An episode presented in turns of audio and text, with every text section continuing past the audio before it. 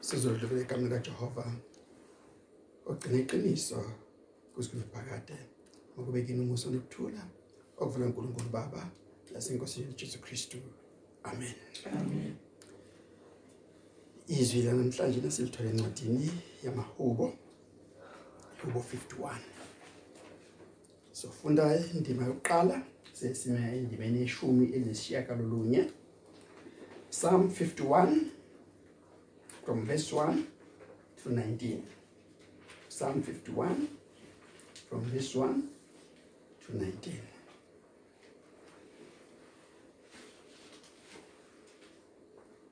Sesiyafunda ke verse 1 Ngihawukele uNkulunkulu ngokomusa wakho. Yasula iziphambeko za za iziphambeko zami. Ngokubele bakho obukhulu. Ngike zisise ebubini bami. Ungihlanze esonweni sami. Ngokuba ngiyazazi iziphambeko zami. Isono sami siphambi kwami njalo. Ngonile kuwe wena wedwa ngakwenza okubi emehlweni akho ukuze uthiwe ulungile ekwahlule e- e- ekukhulumeni kwakho. Uchache ekuhluleleni kwakho. Bheka ngazalelwa ebubini. Umame wangithabatha esonweni.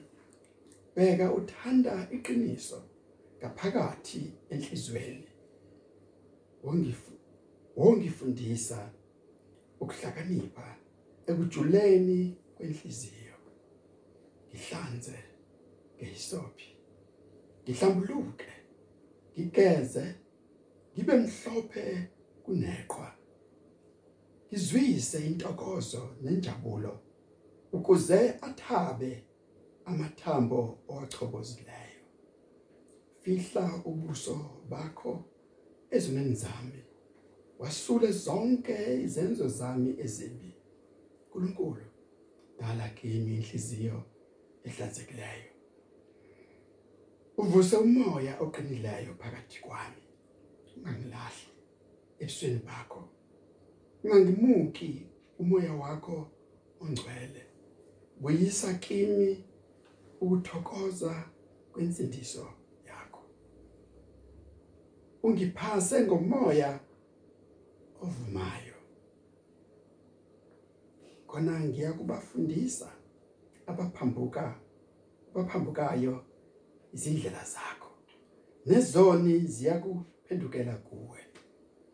Khulule ecaleni legazi uNkulunkulu uNkulunkulu wensindiso yami. Khona ulimi lwami liyakuhube liyakuhubela ukulunga kwakho.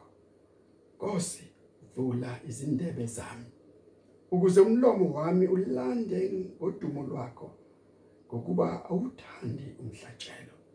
Nomnikelo noma benginga bengiza ku- kunika umnikelo ukushiswa ubungeke kuthokoza ngawo.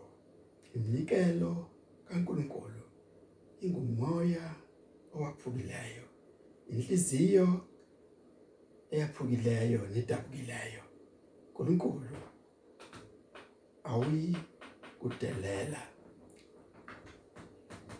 lenze lenzele isiyoni okuhle ngomusa ngokomusa wakho.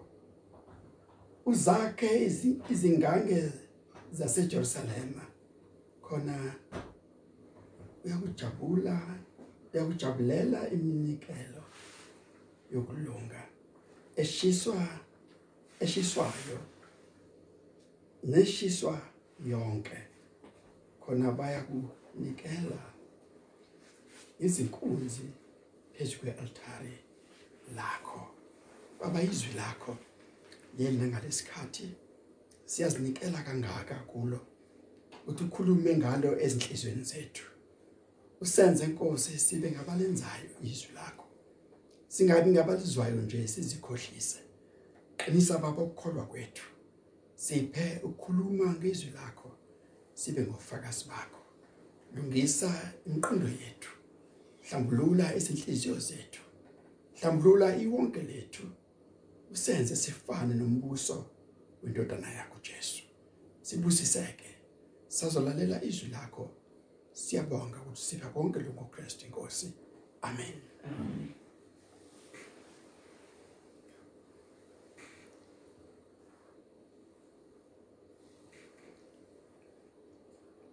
Ngiyanibingelela ke bazalwane nonke. Egameni lika Christ inkosi. Ngiyathanda namhlanje kuba ke sibheke lamazwi esiqeda kuwafunda kwihubo 51. Amavesi maningi esiwafundile nokho sizo thokozela lokho uNkulunkulu akwambulayo kithi kuba sihambe ngakho njengenhloso yakhe cabanga ukuthi siyazi sonke ukuthi ihubo 51 livela emva kokuba uDavid evakashelwe umprofeti uNathan. Isimo sokuphila sika David sashintsha emva kokuvakashelwa ngumprofeti uNathan. And sikubona lokhu ukuthi uze wabhala amahubo amabili hubo 32 nehubo 51 kwenzekani uDavid azavakashele umprofeti uNathan sibona isifundo esikhulu lana esifanele ukuba sifundwe ngabazalwane bonke. Isifundo okufanele sifundwe nangabaholi bonke. Izinceko zikaNkuluNkulu sifunde kule mpilo kaDavid sifanele sibuke ukuthi khona izinto ezinhle uNkulunkulu azibekile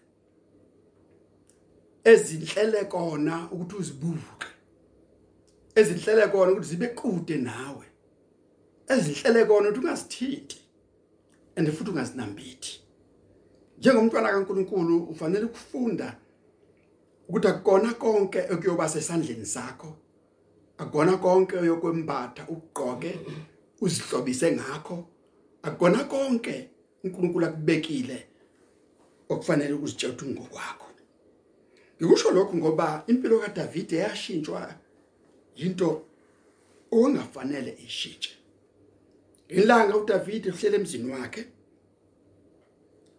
ephezulu ophahleni amehlo akhe aphonseka kamakhelwane. Uma ebona kamakhelwane efasteleni kukhona unkosikazi kamakhelwane ogezayo endlini yakhe. Khululekile ngoba akho nkinga wenza into afuna bayenze kuba sihlambe kodwa uDavid amehlo akhe amlinga egcineni wagcina sengena kuye sephinga naye. Lokho engikushoyo ukuthi kunezinto ufike uzigcinile kude kuzona ezakho ezabanikazi. Uma ukwazi ukwenza lokho uyohlala ekukholweni ukhule ekukholweni ugcwaliswe ngomoya oyingcwele lokhu kwayishintsha impilo kaDavid ngoba loyo wesifazane umyeni wakhe wayengekho ekhaya esempini noJowabe namabutho onke enkosi uDavid and emva kwalokho lwesifazane wathumela kuDavid wamtshela ukuthi usekhulelwe. And uma ekuzwa lokho uDavid wazama ukugqiba ihlazo lakhe. Bazalwane masikhumbule njalo ukuthi isono sokuqala silanda esesibili. Esesibili silanda esesithathu. Esesithathu silanda esesine. Egcineni kube nochungechunge lwezono kube iketanga elide. Sona sokuqala kwabe esokubuka sina sesibili kwaba ukuhluleka ukuzibamba ukulanda unkosikazi womuntu. Sona sesithathu kwaba ukungena unkosikazi womuntu. Andisono sesine isono samanga manje amaqhinga namacebo sezama ukungimboza konke okwenzekile. Uthumela incwadi kuJowabe oyinduna yempi yakhe uGeneral wempi kaDavide uthi kuJowabe encwadini biza uUriya abuyele ekhaya. Mefika uUriya uyaxakeka ukuthi ubizelweni uyangena emzini wenkosi inkosi ixoxa indaba ezingasho lutho egcineni ithi inkosi hambiye kwakho. Uthi uRiya ngizoya kanjani ekhaya? Aba amabutho engibuthwe nawo esempini. Ngizongena kanjani ekhaya oza kwethu bese entabeni na? David uthi hamba uye kwakho. Kusho mina inkosi. Kodwa Uriya akangenanga endlini yakhe. Kunalokho walala ngaphandle evrandi wavuka ekseni wavalelisa enkosini. Uma inkosi izwa ukuthi akalalanga ekhaya ulala evrandi yamphathisa incwadi yesibili. Kule ncwadi yesibili ibhalela uJowabe ongumholi wempi uthi kuyena beka uUriya ekhaleni lempi. Uma isisondela impi bese niyahlehla nimshiye khona. Nempela uJoab walalela lokho. Wafa uUriya. Mase fil uUriya David wathola imvume yokuthatha unkosikazi kaUriya. Waba umkakhe enduhleli ke uDavide unalento enjalo enhlizweni yakhe. Uhleli unesono sokuphinga unesono sokubulala. Andingakho uma uzwa kwihubo 32 uthi ngathi ngithuli amathambo ami aguga. Koma ngaphakathi kwami njengokomisa kwehlobo. Kuleli hubo ke esiqeda ukulifunda hubo 51 kwenzeka exactly emva kuba umprofeti uNathani esephumile. Sokhumbula phela ukuthi uNathani azangabe lesikhathi esilula sokukhuluma intando kaNkuluNkulu kuyo inkosi. Besikhathi njengabafundisi nabashumayeli nabaprofeti bezwi likaNkuluNkulu. Yilokho engihlele ngikusho njalo kuma student ideology ukuthi we must find a manner of approach.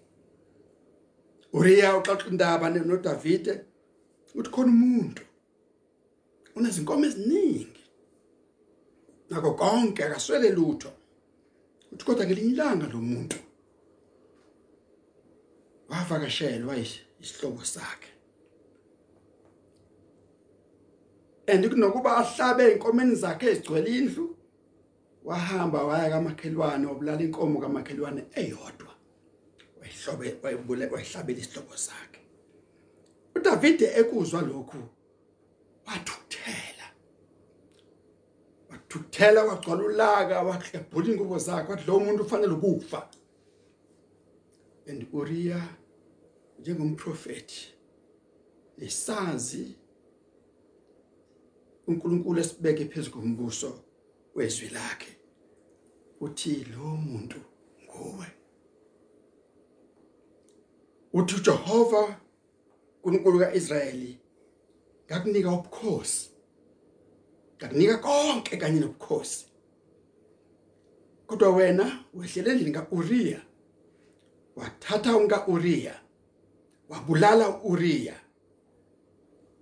And ingakho ngilana. And mezwa lokho Davide uthi ubusisiwe umuntu osono sakhe sithethelelwe ubusisiwe umuntu osiphambeko sakhe sisibekelwe. Ingakho meqala kuverse 1 ethi ngihawukele uNkulunkulu ngihawukele uNkulunkulu ngokomsa wakho omkhulu. Yasula iziphambeko zami ngokobubele bakho obukhulu. Ngihawukele. Ngihawukele. Isinqumo sesithathile phela uDavid njengenkosi ngoba amazwi enceku kaNkuluNkulu.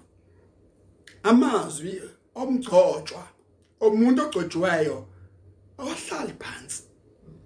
Uthe uDavide umuntu owenze leso sehlo ufanele ukufa.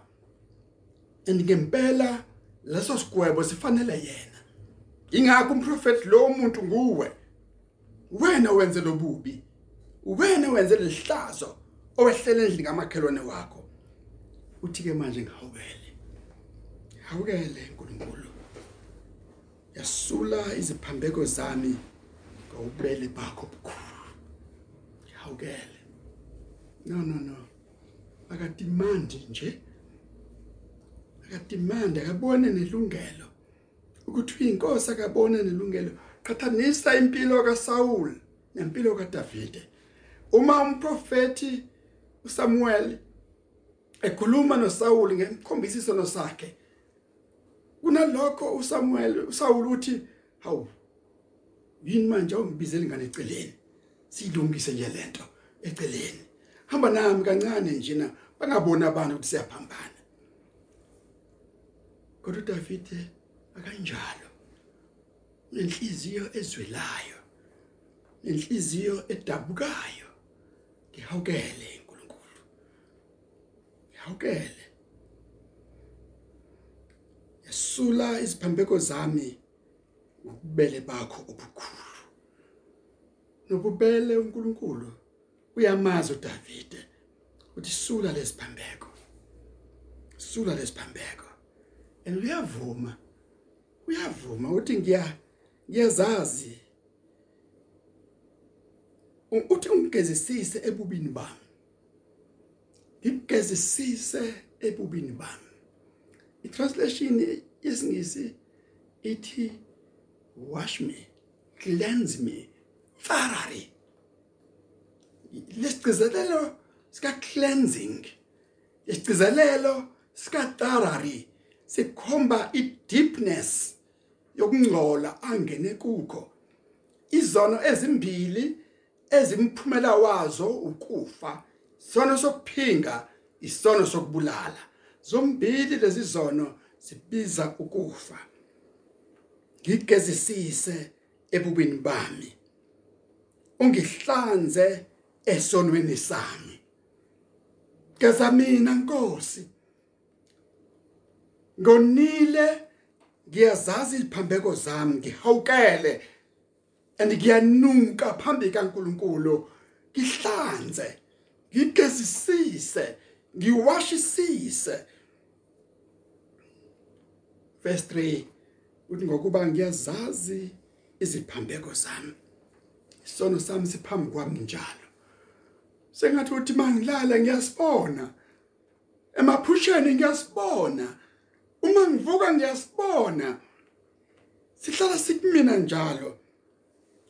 And mhlambe kuvuka lo mbuzo ke manje kuthi iqale nini ukuthi asizwe ubuhlungu baso? Qale emva kokuba itshelwe nguUria noma bekumudla ebindela engafuna ukuphimisela ecabanga ukuthi konke kuzoba right uma ngadalulwanga uma ngavelanga uma ngabanjwanga. Lo mbuzo ngikushiya kuwena mzalwane ukuzibuza wena ukuthi ububi obenzile? Yohlala ucindezele kuze kube yinini yohlala phezukwabo kuze kube yinini uyophila ngokujeqeza ngapha nangapha. Uphila ukuma suspicion ukuthi abantu bakhuluma ngabe ngoba khona bakusolile ukuze ube yinini uthi uDavid ngiyazazi isiphambeko sami isono sami siphambi kwami njalo. Siphambi kwami njalo. Ihlanze kusona. Igeze kusona? Isono esingavunywanga. Isono esim ngaxolelwanga ilokhu akushoyo ukuthi usisiwe umuntu osiphambeko sakhe sithethelelwe osono sakhe sisibekelwe inkasimulo kaJehova. Ngakho sifika kwiverse lesine lapho evuma khona ngokupheleleyo ngonile kuwe wena wedwa yakwenza okubi emehlweni akho. Ngonile kuwe wena wedwa. Why? Esho njalo. Ingoba uNkulunkulu umenze inkosi. uNkulunkulu umethembile. uNkulunkulu umbeke phezulu kwabantu abaningi kangaka abantu abangcwele. uNkulunkulu umethembile ukuthi uyena ozohola abantu bakhe. Kodwa kunalokho uyena oseyisigebengu phakathi kwabantu bakhe. Uyena sengumhlukumeze phakathi kwabantu bakhe. Fonile khumbula phela lapha eqaleni ngenhla uthe ngihawukele. Manje sithi ngonile ngikwenzile okubi emehlweni akho. uNkulunkulu ubona ekusithekeni. Yingakho phela uNkulunkulu ethume uNathan uNkulunkulu uvusa uNathan ehleli. uNathan wayengekho uDavid ethatha umka Uriya. Wayengekho Uriya kwenziwa usongo lokuthi uzobulawa kanjani. Wayengekho uNathan kodwa manje umhleli phambi kaDavide uthi uNkulunkulu lo muntu nguwe. Ngonile. Bekufanele aqhubeke angagcini ukuthi ngonile kutsho kuwe Jehova. Ngonile kuwe wena wedwa. No no no no no. Bekufanele aqhubeke athi ngonile nakuNathan nakuUriya. Ngonile nasendlini kaUriya. Ngonile nase nakuIsrayeli wonke. Ngonile. Isono ke bazalwane bami sinalento ukuthi umuntu afune ukuthola something azoyisulela kwabanye abantu. Isono sinalento yokuthi umuntu afune something ezomenza ukuthi iguilt yakhe ingahlali kuyena yedwa. Isono sinalento yokuthi umuntu angafuni ukuthatha yonke iblame abeke izizathu ezithile ezimenze okuyiblame ingakho ngiqalela ngathi kunezinto ofuneka ujwayele ukuthi akuzona ezakho ukuba usithinte akuzona ezakho ukuba uzidle. Akuzona ezakho ukuba uzembathe akuzona zakho ukuba uzenze utho. Silunge zilapha ya uncome ubuhle bazo uzishiye khona lapha ya ngoba kunikwanga wena. Sikhona into akunikeza uNkulunkulu. Ofuneka uappreciate ukuba nazo ubonge ukuba nazo kodwa ungabekwanga esandleni sakho akulangazeleli andi lokhu kubonakala lana ukuthi umuntu uvamisa ukuthatha ama blames ababeke kwenye into. Bheka ngazalelwe esonweni. Ufuna ukuthi because of a sinful nature. Kwisemvelweni yami ukona ngaphekwa ngesono ngaphekwa ngomhluzi wesono. Konke okwami kunuka isono. Ublema indlela azalwa ngayo. Kaningi abantu bablame basola indlela abakhuliswe ngayo. Abanye benza izono bablame ubumpofu babo uthi ngoba siswele ingakho sinjena. Abanye kuningi abakutholayo eceleni abantu abakubeka endaweni kunokuba avume okupheleleyo bese kwenele uma ethi ngonile kwena wedwa. Bese kwenele methi ngigezisise ebubini bami. Bese kwenele uma ethi ngihawukele isono sami siphambi kwami njalo. Kodwa uvuka ubuntu la. Ukuthi kufanele kube khona isizathu. Ngazalelwa ebubini umame wangithabatha esonweni. Unabantwana abahleli benza izinto ezingalunganga bezonda abazali babo. Bekhomba abazali babo ngemino. Kube sengathi ukuhluleka kwabo ingoba bengakhulisekanga kahle. Kodwa umuntu asusa iresponsibility okungeyakhe. Kunabantwana abahleli bengafuni ukurecognize indlela abakhuliswa kahle ngayo noma ngabe onina babewa bevuka bebamba amatoho behlukumezeka kodwa uma sezithola esesenkingeni uthi ngoba kazalelwa emzini onjena ukuba ngangizalelwe ethekeni ukuba ngangizalelwe la kubuswa khona ngangeke ngizifumane ngilana. Nalana kusho njalo umama wangithabatha esonweni. Ufuna ukuthini? Ufuna ukuthini? Nkosikazi kaJesa kaphinganga. Uzalwa uJese phela lo mfana. Futhi ngokugcina endlini kaJese. Ufuna ukuthini? Indlela yokuthrowa iblame ngaphandle bese ngathi izimo zokuphila izimo aqondane nazo. Izona eziland vele vele bathandekayo. Sizalelwe esonweni. We are human and fully human. Izilingo ngezilingo zikhona. Ingakho uJakobe ethi bazalwane bami uma wehlelwa izilingo ngezilingo ungasoli uNkulunkulu. uNkulunkulu angelilinge umuntu kodwa ubusisiwe umuntu ophikelelayo ahlale ekukholweni noma elingwa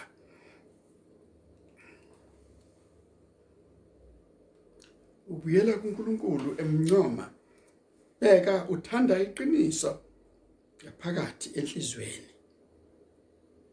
Wongifundisa ukuhlakanipha ekujuleni. Wena uNkulunkulu weqiniso fundisa mina ukuhlakanipha. Fundise ukuhlakanipha ekujuleni kwenhliziyo yami. And bese yangigeza ihlanze ngehisopi hisopi kwakuyikhambi ela lithathwa lixoxwe bese likhipha igwebu. Kuwashwe ngalo kugezwe ngalo. And igwebu lakhona lalihlanza izinto sibe mhlophe. Uma ungagezanga ungawashanga ke isoaphi kwangazuthi uthole ucommon wensipho engahlanzisisi. Ilokho akushoyo ukuthi ngifuna unqo ngifuna ihisophi namhlanje na ubezothi ngigeze ngegazi lenkosi uJesu. Ngihlambulule ngegazi laseCalvary ngigezisise ngegazi laseGolgotha.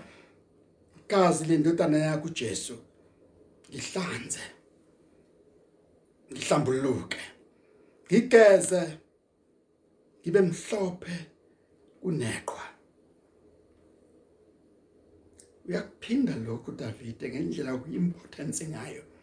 Evesini lesibili usho njalo wathi ngigezisise ebubini bami ungihlanze ezonweni zami.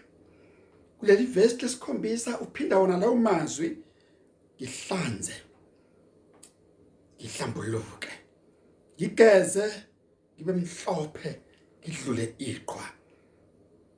Ufisa impilo yakhe kuba namhlanje na kusale ukungcola kuphele ububi kuphele ukonakala.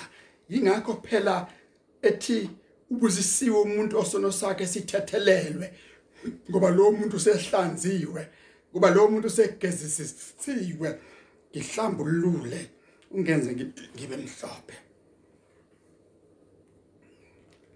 And lokhu sikubona esahlukweni esilandelayo evesi evesini elilandelayo verse 8 ukuthi impilo yakhe ibiyimpilo engesenanjabulo. Ngathi ngethuli nesono sami sangidla aguga amathambo ami. Ngathi ngithuli nesono sami koma ngaphakathi kumina ngezwa leyo dryness koma kwaze koma ngisho nokuphila kwangaba khona ispine sami uloya lwami loma njengokomisa kwehlobo. Uthi manje ngizwisa intokozo.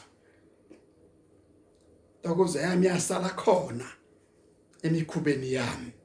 Intokozo yami yasala khona ekufeni kwaUriya intokozo yami yasala khona engeneni emzini wenye indoda. Ngizwise intokozo. Nenjabulo. Angisayazi injabulo. Kuze ahlumelele amathambo ami owachobozileyo not because echotshozwe uNkulunkulu echotshozwe izenzo zakhe echotshozwe isono asidlile kodwa uthi ngihlanze ngizwise intokozo ngibuyelwe injabulo. Kwesesikhathi ubona abantu besenkonzweni bejabule bevuselelekile behlabelela bethokoza. Kube khona umdidimbe nje ubona uhleli ungafuni ukwenza lutho. Nenzeka ukuthi udliwe izono zakhe. Kwesesikhathi uzothi uyamsondeza uthi umbamba ngokuthi hayi woza nawe woza nawe.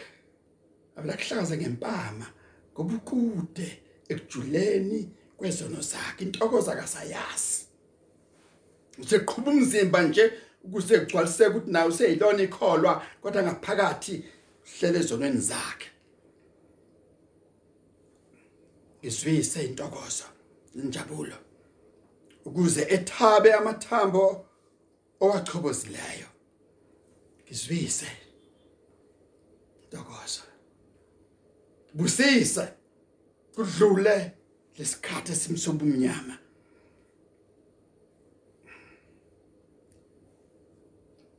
andi ilokhu okubuhlungu akubona uDavide uma ethi fihla ubuso bakho ezonweni zami. Nkosi ungabusabheka lana. Ungabusangibheka ngibheke ngothando lwakho. Ungabusangibheka kulelihlazo nakulamanyana lokungcola engihleli khona fihla ubuso bakho Nkosi. Bazalwane kuba siyazi ukuthi isono simenza uNkulunkulu anyanye kangakanani. Ukuba siyasazi isono ukuthi simenza umuntu angcole kangakanani phambi kaNkuluNkulu ngabe siyaqhela kuzona. Deda kokubi wenze okuhle sho njalo ihubo elinye. Funa ukuthula ukujonge hlala ekuthuleni. Fihla ubuso bakho Nkosi ezoneni zami. Wasule zonke iziphambeko zami. Ezimbi sula iziphambeko zami ezimbi asho umuntu wenguquko ehlabelela ejulile ekumoya ethi ngingahlanzwa ngani na? Igazi lika Jesu lodwa. Ngingasinda ngani na? Igazi lika Kristu lodwa. Ilokhu akushoyo David fihla ubuso bakho ezonweni zami. Wasula izenzo zami ezimbi izenzo zokubulala izenzo zokuphinga izenzo zamanga izenzo zobuqili. Sula konke inkosi inike impilo entsha. Dala kimi inkosi impilo entsha. Dala kimi. Guqula isimo sengqondo nkosi. Uyenze ibentsha ingqondo yami. Ilokho kusho nguPaul ethi ngimncenga bazalwane ngokubele kaNkulunkulu bandiguqulwe isimo sengqondo yenu. Ninikele imizimba. Yilokho kusho uPaul ngoba sefesu methi khumlani umzimba wesono khumlani umuntu omdala onezincabango nezinkanuko zenkohliso. Ilokho akusho umpostoli methi phela nanafa ukuphila kwenu kufihliwe noKristu kuNkulunkulu. Lokho akusho ukuthi fihla Nkosi. Ubuso bakho ngibheke ngothando. Sengathi sokusele kancane ahube ihubo ensindiso ethi wangibheka nami ngothando. Wangibiza ngomsa wakhe wangibheka ngothando. uNkulunkulu dala kimi inhliziyo ehlanzekileyo. Uvuse umoya oqinileyo phakathi kwami. Dala kimi inkosi you are the creator. uNkulunkulu odalayo. I'm useless. I'm finished. Ngisoni ngizalelwe esonweni. Ngithathwe esoneni dala kimi inkosi zalwane wami usengasho. Usengasho. Noma ngingazazi ezakho iphambeko noma ngakwazi okwakho ukwenza kodwa singabuyela kuNkulunkulu. Sengabuyela uthi inkosi ngidale kabusha. Ngizale kabusha ngiguqule ngidale. Shintsha konke okwami shintsha konke okwami. Ngenze inkosi ngibe olungileyo usakimi umoya oqinileyo phakathi kwami. Ungangilahli ebusweni bakho. Ngikwazi ukuphila ngaphandle kwakho. Angikwazi ukuphila ngingena uNkulunkulu ezweni. Angikwazi ukuphila. Ngingena Christ ingakho sibizwa ngamaKristu. Ngoba sifanele ukuphila endleleni kaKristu. Senze impilo kaKristu ibe sempilweni zethu. Ungangilahli. Dala kimi inhliziyo ehlanzekileyo. Uvuse umoya oqinileyo phakathi kwami. Ungangilahli ebusweni bakho. Ungangumuki umoya wakho ongcwele angiphuci umoya wakho engcwele. Ikholwa umntwana kaNkuluNkulu umzalwane osilisiweyo. Impilo yakhe ipheleliswa ngokugcwaliswa ngomoya oyingcwele ukukholwa kwakhe kupheleliswa ngokugcwaliswa ngumoya oyingcwele uma efakaza eshumayela ehlabelela enza yonke into ufana negogogo eli-empty uma engagcwaliswanga ngomoya oyingcwele. Uyena odala umuntu ubazalwe kabusha uyena odala umuntu basindiswe uyena owenza umuntu ukuthi aphile ebukhoneni bukaNkuluNkulu. Ingakho David ethi ungangiphuci umoya wakho engcwele ngiphuce buyisa kimi ukuthokoza kwensindiso. Maningi amakholwa leminyango maningi amakholwa lesontweni makuningi amakholwa emabandleni asehamba nje. Ngoba uzobuzwa kuthiwa usezingane enkonzweni. Kade aphuma kade asuka kade amshiya umoya engcwele. Umpostoli Paula ningamcimi umoya engcwele. Ngoba izocima impilo yakho. Umpostoli Paula ningamdabukisi. Umoya engcwele. Yilokho David akushoyo. Ngangiphuci. Umoya wakho engcwele. Buyisa kimi ukuthokoza kwensindiso.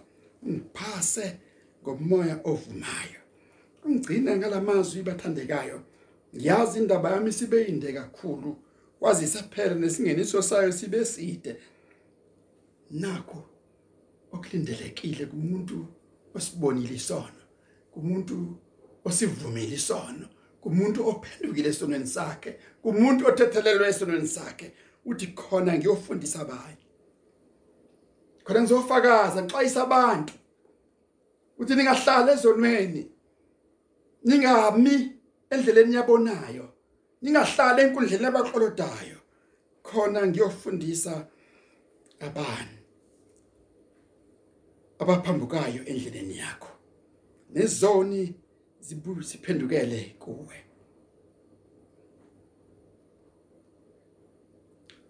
Khona ngiyofundisa abanye. Usindile uma entabeni exwayisa ukuthi kunomgodi lapho ningakhala katheli xwayani kuleyo ndlela kusahanjwa kuyona nenyoka khona. Lokho akusho David uthi mina ngizofakaza. Ngizofakaza ngizobatshela abantu ngoNkulunkulu wami ongihlanzileyo. Ngizobatshela bona ukuthi ngabe nisona. Ngizobatshela abantu ukuthi kubhlungu ukuhlala esonweni. Kufana necancer edla amathambo akho. Ikhulule ecaleni legazi ecaleni lokuphinga. Ecaleni lokufa. Ecaleni lokubulala uUriya ikhulule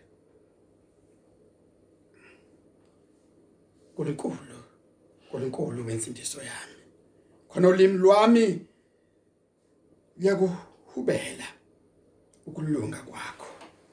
Nkosi vula izindebe zami ukuze ngila ukuze umlomo wami ulande kodumo lwakho. Vula izindebe zami ngenze ngifakaze ngenze ngikhulume ngenze ngitshele bonke abantu ukuthi babuyele kuwena. Sengathi lamazwi angahlala enhlizweni yakho mzalwane. Ani nonke sifunde kule mpilo kaDavide. Simbonge uNkulunkulu uDavide waphenduka.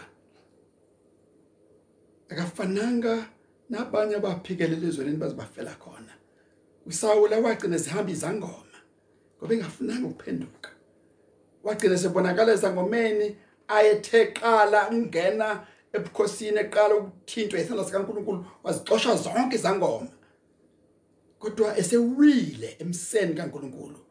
Wabuyela ezangomeni sathani uma usuwile ubuyisela odakeni. Noma ungakazi ukuphuza utshwala masuwile yobe isidakwa singakaze sibonakale. Yoba mhlukumezi wezingane nabantu besifazane baze bakukhomba abantu bathi nangu nalona wayekholwa nje. Ingoba usukile emseni. Ngasuku ngangiphuthi umoya wakho ungishiye ngikhulule Nkosi khona ngiyofakaza. Vula izindebe zami ukuze umlomo wami ulande ngodumo lwakho. Nkosi inibusise. Sazophila impilo engcwele. Sazohlala enyaweni zika Kristu nimdumise hambe ngokuqotho nangokukholwa. Amen. Amen. Asikhuleke.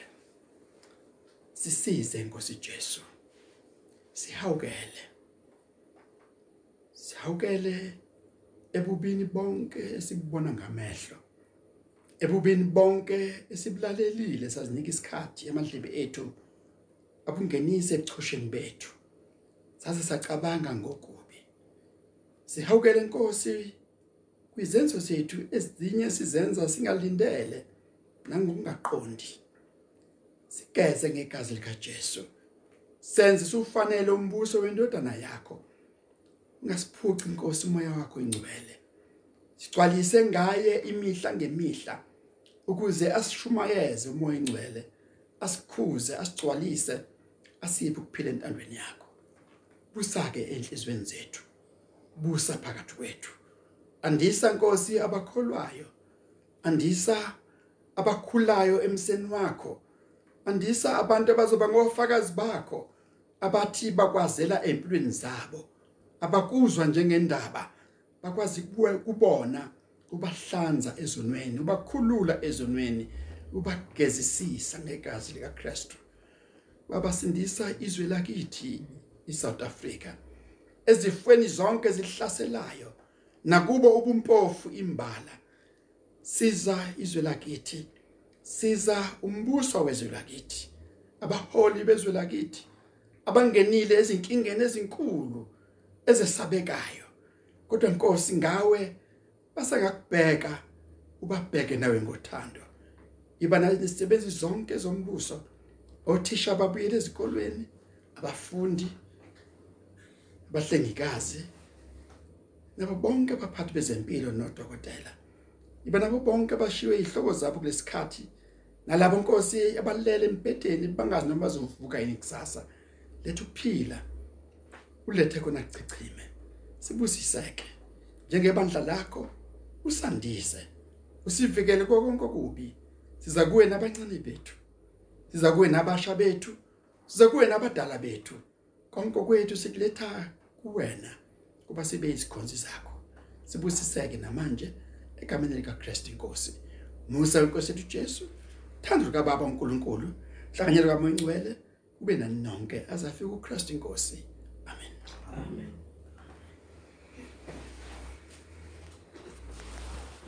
Mm-hmm.